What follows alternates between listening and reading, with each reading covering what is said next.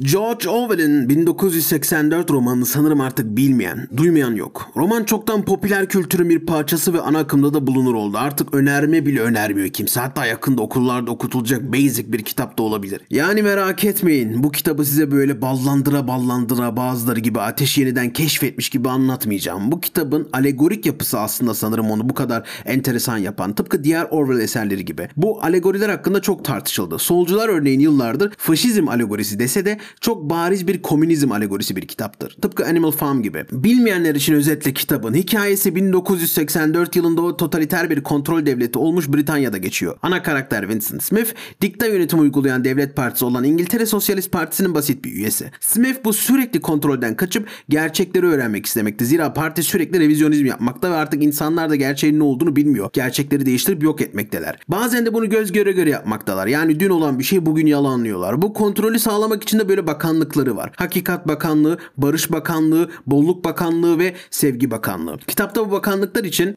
Barış Bakanlığı savaşla, Hakikat Bakanlığı yalanlarla, Aşk Bakanlığı işkenceyle ve Bolluk Bakanlığı açlıkla ilgileniyor. Bu çelişkiler tesadüfi değildir ve sıradan ikiyüzlülükten kaynaklanmaz. Bunlar için kasıtlı egzersizlerdir deniyor. Ana karakterimiz de Hakikat Bakanlığı'nda çalışıp bizzat bu propagandaya hizmet ediyor. Bakanlıklar isimlerle oynanıyor, belgeler sahteleniyor, korkunç bir distopya. Sanarsın. Çünkü burası kurgu değil. Çoğu kişi bunu alegori, kurgu hatta Sovyet eleştirisi sansa da bu bakanlık bu şekilde İngiltere'de vardı. Hatta Over'in eşi Eileen bu bakanlığın sansür departmanında çalışıyordu. Şimdi geldik videonun konusuna. Çünkü olay bizle alakalı ve hayır Özgür Demirtaş'tan da bahsetmiyorum. Birinci Dünya Savaşı başlamadan önce İngiltere, Orta Doğu ve Osmanlı'da bayağı aktifti. Öyle ki Lawrence'ın hocası olarak bilinen Gertrude Bell 1897'den 1909'a kadar Osmanlı topraklarını karış karış gezdi ve İngiliz gizli servisi için faaliyetlerini sürdürdü. Öyle ki Anadolu'nun 10 binin üzerinde fotoğrafını çekti. Örneğin şu Konya fotoğrafı gibi. Yani eğer buralardansanız ve köyünüzün fotoğrafı yoksa İngiliz arşivlerine bakın orada dedenizin fotoğrafını bulabilirsiniz. Tabii sadece bu da değil. Aşiretler ve bu ailelerin sosyolojik yapıları gibi birçok araştırma da yapılıyor. Hatta 1894 yılında Kurds in the Turkish Army yani Türk ordusuna Kürtler diye rapor hazırlanıyor. Yine 1903 yılında hazırlanan bir raporda Kürt aşiretleri not alınıyor. Kuzey Irak'ta dahil bu sefer. Devlet kurulması imkansız deniyor. Anadolu'daki Kürtleri kontrol etmek için bir Rus işgali gerekli deniyor. Hatta Bitlis civarlarında üst kurulması lazım deniyor. Bunları iyi kontrol edebilmek için. Kuzey Irak'ın yönetimi içinde birkaç farklı aşiret sayılıyor. Tabi bunlar olurken daha ortada savaş mavaş yok ha dikkatinizi çekerim. Osmanlı hala var. Tüm bu belgeler ve fazlası Gladio belgeselinde olacak. O yüzden buraya fazla detaya girmeyeceğim. Sadece size İngiltere'nin gücünü göstermek istiyorum. Yani 1914'te savaş patladığı zaman Britanya çoktan hazır. Propaganda ve toplum mühendisliğini de iyi çözmüş durumda. Öyle ki İngiliz gemisi Telkonia Almanya ve Amerika arasındaki kablo bağlantılarını kesiyor. Böylelikle iki ülke arasında bilgi akışını kesmiş oluyor. Bu şekilde savaşın ilk dönemi bilgi akışını İngilizler belirliyor ve Amerika'yı yanlarına savaşa sokmak için elinden geleni yapıyorlar. İşte 1914 yılında Wellington House'da neden biz videosundan hatırlayacağını son yüzyılın en büyük Türk düşmanlarından David Lloyd George War Propaganda Bureau'yu kuruyor. War Propaganda Bureau yani Savaş Propaganda Bürosu'nun hedefleri Lloyd George'a göre şu şekilde. 1. Ülkede yani iç cephede moral yükseltmek, ülkedeki savaş muhaliflerini dizginlemek. 2. Rakibin savaşılması gereken bir düşman olarak temsil edilmesi. Burada meşhur medeniler ve barbarlar ayrımı geliyor. İtilaf devletleri medeniyeti temsil ederken ittifak devletleri barbar, şeytan olmalı. 3. Yeni asker alımlarını sağlamak. 4. Yayınların kontrol edilmesi. 5. Düşman birliklerinin psikolojik olarak yıpratılması. Yurt dışı propagandası. 6. Savaşın sivil halka özellikle basında hükümet yönergelerine göre sunulması. 1914'te Wellington House'da bu propaganda ofisi kuruldu. Başına da Charles Masterman getirildi. O kadar gizliydi ki bu oluşum çoğu milletvekili varlığını dahi bilmiyordu. National Insurance Department'ın arkasında çalışıyor, onlarla kamufle ediyordu kendini. 2 Eylül 1914 yılında Masterman bu sebeple özenle seçilmiş İngiltere'nin en meşhur 25 yazarını büyük bir gizlilik içerisinde yanına çağırdı. Dünya ve toplum bu oluşumun varlığını 1935 yılında öğrenecekti. Yazarlar propaganda ofisi için kitaplar, makaleler, parodiler ve broşürler hazırlayacaktı. İlk başlarda hedefi bilgi kontrolü olan departman artık tamamıyla propagandaya yönelmişti. Ekip de hazırdı. Danışmanlar Arnold Toynbee ki bu Toynbee'yi aklınızda iyi tutun, Lewis Bernstein Nehemiah, yazarlar arasında Arthur Conan Doyle, Arnold Bennett, John Masefield ki bu Masefield'i de aklınızda iyi tutun. Fort Maddox Ford, Gilbert Keith Chesterton, John Galsworthy, Rudyard Kipling, Gilbert Parker, George Macaulay Trevelyan, Hilary Belloc, John Buchan, Mary Humphrey Ward, Çizerler arasında Francis Dodd, William Oppen, Paul Nash, Christopher Nevinson, William Rothenstein, John Lavery, John Singer Sargent, Augustus John, John Nash, Henry Lamb, Henry Tonks, Colin Gill, William Roberts, Wyndham Levis, Stanley Spencer, Philip Wilson Stair, George Clausen, Bernard Meninsky, Charles Peirce, Sidney Carlin, David Bomberg, Austin Osman Spare, Gilbert Ledward, Charles Sargent Jagger. Medya patronları da işin içindeydi. Örneğin Northcliffe medyası olarak bilinen Daily Mail ve Daily Mirror'ın sahibi Alfred Hemsworth gibi. Faaliyete geçen örgüt hemen çalışmasına başladı. Propaganda faaliyetleri için yazılar yazılıyor, gazetelere sahte haberler üretiliyordu. Filmler çekiliyor, şarkılar yapılıyor, posterler çiziliyordu. Örneğin Alman karşıtlığı vahim bir boyuta ulaşmıştı. Daha önce dediğim gibi düşmanı insanlıktan çıkarmak, şeytanlaştırmak önemliydi. Almanlar için Hun benzetmesi yapılıyordu. Barbar olduklarını göstermek için ellerinden geleni yapıyorlardı. Örneğin sahte madalyalar hazırlanıp bakın Almanları sivilleri öldürdükleri için askerlerine dağıttıkları madalya bu diye gösteriyorlardı. Ya da Alman ceset fabrikası gibi hikayeler uyduruluyordu. The German Corpse Factory ya da Almanca adıyla Kadaververwertungsanstalt evet adamlar Almanca isim de vermiş bu ceset fabrikasına. Hikayeye göre Kadaververwertungsanstalt Almanların işlettiği gizli bir fabrikaydı. İngilizler yolları kestiği için Almanya'da yağ eksikti. Bu yüzden ölen Alman askerlerinin cesetleri yağlarına kadar ayrılıyor. Bu yağlardan da nitrogliserin, mum, yağlayıcı madde ve hatta sabun ve hatta ayakkabı yağı yapılıyordu. Tabii ki de bunlar yalandı böyle bir şey yoktu ama hikaye kısa zamanda en popüler şehir efsanesine dönüştü. Hani sen veya çevrenden biri bu Almanlar insandan sabun yapmış olayını anlatıyorsa tebrikler yıllardır İngiliz propagandasına inanıyorsun. Fakat asıl bomba daha gelmemişti. Bryce raporu. Bryce raporu ya da Committee on Alleged German Outrages yani Alman Suçlar Komitesi The White Book yani Beyaz Kitap olarak da biliniyordu. Burayı aklınıza bir iyi tutun. James Bryce Amerika Birleşik Devletleri'nde bulunan bir İngiliz elçisiydi. Ama tarihçiydi de aynı zamanda. Rapor Almanların Belçika'da yaptıkları katliamları ve suçları anlatıyordu. Raporda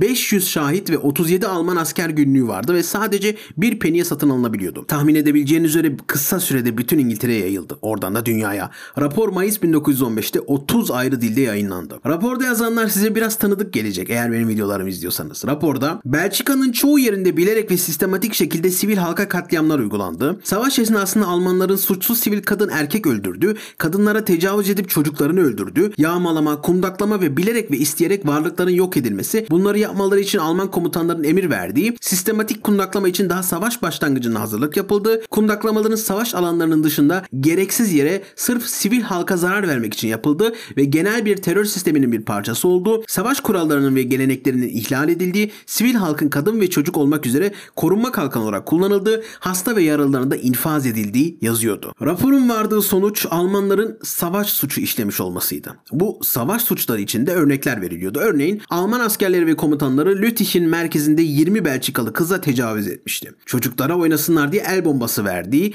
bebekleri süngüden geçirdikleri, esir askerleri çarmıha gerdikleri, sivillerin gözlerini çıkardıkları, kadınlara tecavüz ve eziyetler ettikleri, çocukların ellerinin kestiklerini ve erkekleri öldürdükleri yazıyordu. Tahmin ettiğiniz üzere bunlar gerçek değildi tabii ki de. Şahitleri korumak için isimlerini gizliyoruz demişti Bryce ve İngilizler. Savaştan sonra isimleri yayınlayacağız demişlerdi fakat asla yayınlanmadılar tabii ki de. ABD'de elçi olan ve bilinen bir tarihçi olan Bryce'ın bu raporu anında etki etmişti. Amerika ve dünya bu savaş suçları karşısında dehşete düşmüştü. Britanya Amerika toplumunu kazanmıştı yani. Zaten bunun için çarmıha gerilme veya Belçikalı kadınların tecavüz edilip kilise çanlarına asılması gibi dini bazı hikayeler anlatılırdı. Rapor başarılı olmuştu yani. Savaş Propaganda Ofisi Başkanı Charles Masterman Bryce'a yazdığı mektupta şöyle diyordu. Raporunuz Amerika'yı şaşkına çevirdi. Bildiğiniz gibi en sorgucu olanlar bile artık bizim safımıza geçti. Sırf sizin imzanız var diye.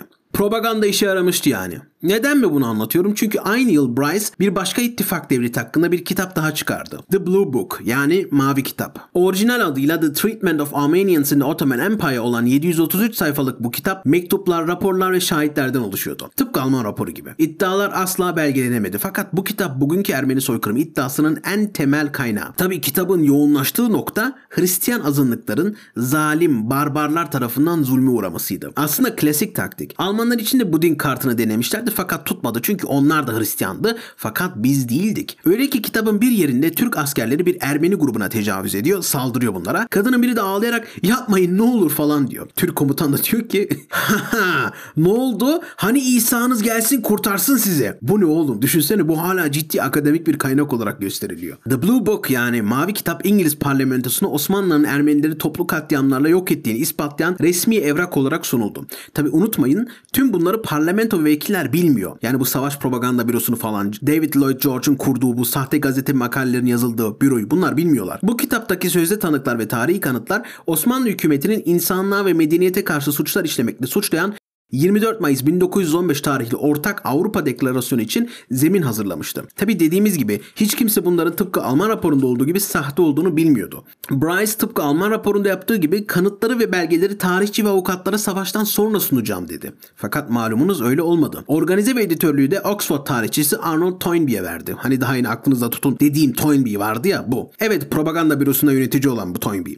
Bryce'ın mavi kitabının yanında Toynbee de iki broşür yayınladı. 1915'te 1913'te çıkan Ermeni vahşeti bir milletin öldürülmesi ve 1917'de çıkan Türklerin katil tiranlığı adlı broşür. Özellikle Armenian Atrocities bugünkü soykırım iddialarının temelini oluşturan bir kitap. Toynbee burada sistematik şekilde işlenen toplu cinayetlerin onu diğer savaş suçlarından ayırdığını söylüyor. 50 farklı yerden alınan kanıtlarla atıfta bulunan Toynbee ki bunlar da Bryce'ın sözde kaynakları Katliamların Planı adlı ikinci bölümde tasarlanmış bir kitlesel şiddet modelinden bahsediyor. Yani bir soykırım planından. Diğer bölümler sürgünleri ve ölü sayısını kronikleştiriyor. Son bölümde Almanya'nın tavrı. Almanya'yı katliamlara suç ortağı olarak dahil ediyor. E tabi ittifak devleti sonuçta. Toynbee modern tarihin uzak Ermenistan'la gelişen bu utanç verici ve korkunç sayfası diye sözlerini tamamlarken ana hikayenin 14 ay önce Belçika'ya yapılan Alman saldırısını tanımlaması gereken ana anlatının bir yankısından ve uzantısından başka bir şey değildir. Yaptığı şey hepimizi 20. yüzyılda karanlık çağların durumuna geri getirmek. İddianame budur. Bırakın Almanya bunu hak etmekten vazgeçsin. Va Propaganda Büro'nun şefi Masterman zaman Bryce'a Temmuz 1916'da yeniden bir mektup yazdım. Ermenistan hakkında önerilen mavi kitabınızın tamamını okudum. Medeniyetin başlangıcından beri en korkunç hikayelerden birini anlatan harika bir eser. Özellikle yakın doğuda herhangi bir nihai çözümle ilgili olarak kamuoyunun etkilenmesiyle bağlantılı genel nedenlerle mümkün olan en kısa sürede yayınlanması konusunda çok düşünceliyim ve Toynbee'ye sürekli olarak kitabı basına sızdırması için baskı yapıyorum. Masterman, Bryce'a Dışişleri Bakanlığı'nın onu resmi bir mavi kitap olarak yayınlamayı kabul ettiğini ve bunun ardından kitabı mümkün olan en geniş şekilde yaymaya çalışacağız bilgisini verdi. Sunumun sahnelenmesi Masterman için çok önemliydi. Dışişleri Bakanlığı'nın belgeleri gözden geçirmesini ve siyasi savunma için İngiliz Ermeni Komitesi'nin başkanı Anarian Williams'ın soru sormasını ve daha cevap gelmeden kitabı göstermesini planlamıştı. Resmi yetkililer İngiliz savaş propagandasını ve gündemini desteklemek için kitabın bir an önce çıkmasını istediler. Ancak Bryce artan zaman baskısı karşısında kaynak toplayamıyordu. Belgeleri tarihçilere ve doğu bilginlerine sunmaya gelince Toynbee ile bunun hakkında konuşuyordum. Herhangi bir isim sorarsanız onlara hemen kanıtları göndeririz. Fakat bu tür bir inceleme ile çalışmanın yayınlanmasının geciktirilmesinden endişe ediyorum. Endişe etmesinin sebebi tabii kaynak olmamasıydı. Yayınlanma ayı bile dikkatle seçildi. Masterman Dışişleri Bakanlığı ile anlaşarak Amerika'da önümüzdeki birkaç ay boyunca rapor vermesi ve oradaki görüşleri etkilemesi için birini göndermenin muhtemel pek faydası olmayacağını söyledi. Onun yerine Amerikan basınındaki bağlantılarını kitabı hızlıca yayınlamak için kullanacaktı. Hatta Amerika'da bu sözlü rapor bazı dergilerde aynı anda birebir yayınlandı. Toynbee ve Bryce önlerindeki 5 ay boyunca belgelerin kaynağını doğrulamak için zaman ayırdı. Bryce bu sefer hem kanıtların yayınlanmadan önce deneyimli kişilerde gözden geçirilmesinden hem de orijinal kaynakların doğrulanmasını ısrar etti. Toynbee Bryce'a cevap verdi. Bütün belgeleri inceledim ve toplamda 138 tane olduğunu buldum. Toynbee, Haziran 1916'da Bryce'a şunları yazdım. Hala kaynağını bilmediğimiz 34 kaynak var. Bunlardan 5'i nihai kaynağını muhtemelen asla bulamayacağımız, çözülmesinin imkansız olacağı gazetelerdeki ifadeler. Ancak kalan 29 tanesi tanıklarla iletişim kurmuş kişiler tarafından verilen kesin bilgilerdir ve bu isimlerin mümkün olduğunca çoğunu gizlice elde etmek için büyük çaba sarf edeceğim. Yani ellerinde bir kaynak yok hala. Kitap kısa sürede buna rağmen tüm dünyaya yayılıyor. David Lloyd George yönetimi altında propaganda ofisi artık iyice Türk düşmanlığı yapmaya başlamıştı. Görevleri John Buchan'ın sözleriyle şöyleydi. Türk'ün gitmesi gerektiğini müttefikler ve tarafsızlar arasında bir yaban haline getirmek. Tabi propaganda sadece yurt dışı için değil, yurt içi için de gerekli demiştik ya. Hatırlayın kuralları. War Propaganda Büro'nun yazarlarından saydığım Macefield'i hatırladınız mı şimdi? Gelibolu ve Çanakkale hakkında kitap çıkarılması istendi. İngiltere'nin buradaki başarısızlığını aşılamaz sorunlara karşı mert şekilde savaşan İngiliz askerlerinin cesaretini anlatarak aklamak istemişlerdi. Philip Weller'ın sözleriyle savaşı trajik bir romantizme çevirmişti ve kitap peynir ekmek gibi satıyordu. Tarihte hiçbir ordu daha kahramanca bir saldırı yapmamıştır yazıyordu Macefield. Tarihte hiçbir ordu böyle zorlu bir görevle yükümlendirilmemiştir diyordu. Bu propaganda kitabını İngilizlerin Çanakkale Komisyonu nihai raporunda sunulan yorumla karşılaştırmak daha iyi olacaktır. 198. paragrafta açıkça bu operasyonlar kısmen Türklerin çok güçlü olması, kısmen de bazı birliklerimiz ve onların liderleri yüzünden başarısız oldu diyordu. Fakat İngilizlerin bu propagandası etkisini korudu. Şimdiye kadar etki eder mi demeyin. Örneğin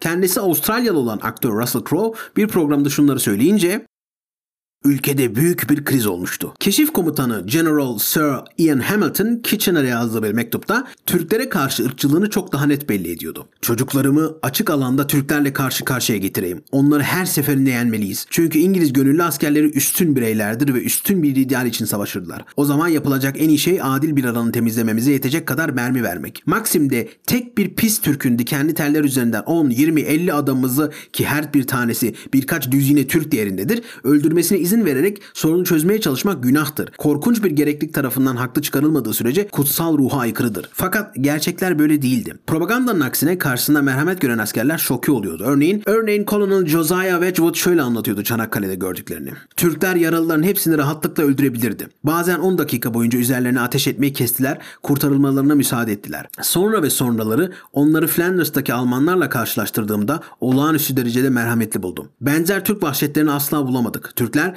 yalnızca Kanadalılar ve Avustralyalılar dışında dünyanın en iyi ve en merhametli savaşçılarıdır. Fakat bunlara yayın yasağı geliyordu. 7 Nisan 1917'de artık hedefe ulaşılmıştı. Amerika Almanlara savaş ilan etti. Fakat Amerikalılar şoke olmuştu. Çünkü kendilerine gelen bilgi ve belgelerini propaganda ofisinde üretildiğini bilmiyorlardı. Bu sebeple War Propaganda Bureau yeniden yapılandırıldı. Amerikalıların tepkisi sonrası Directorate for Propaganda in Enemy Countries yani düşman ülkelerdeki propaganda faaliyeti yönetimi Creve House'a taşındı. Kalan görevler için de Department of Information kuruldu. Evet Orwell'in esin kaynağı bakanlık kurulmuştu. Amerikalılar çok çok rahatsız olduğu için de propaganda yerine information ismi kullanılmaya başlandı. Lloyd George yapılanmayı güçlendirdi ve birçok gazeteyi de bu kuruma kattı. Artık gazetelerde yazan her şey devlet kontrolünden geçiyordu. Yeni yönetici Campbell Stewart olmuştu. Ekibe de yeni katılanlar arasında Daily Chronicle adlı günlük gazetenin sahibi Robert Donald, Reuters ajansının genel yayın direktörü Roderick Jones, Sydney James Mark Lowe adlı bir tarihçi, Henry Wickham Street, The Times'ın dışişlerine bakan gazeteci veya H.G. Wells, evet o meşhur H.G. Wells. İşte 1984 kitabının gerçek örnekleri budur. İşin ilginç yanı bu örgütün propaganda faaliyetleri bilindiği için bütün ittifak devletlerine karşı yürüttükleri faaliyetler biliniyor, kabul ediliyor ve araştırılıyor. Almanya, Avusturya, Macaristan hatta Bulgaristan hakkında bile sadece bir tane devlet hariç. Bu olmadığı gibi bu kaynakların hiçbiri Türkçe değil. Türkçe Wikipedia sayfaları dahi yok. Peki Bryce raporları?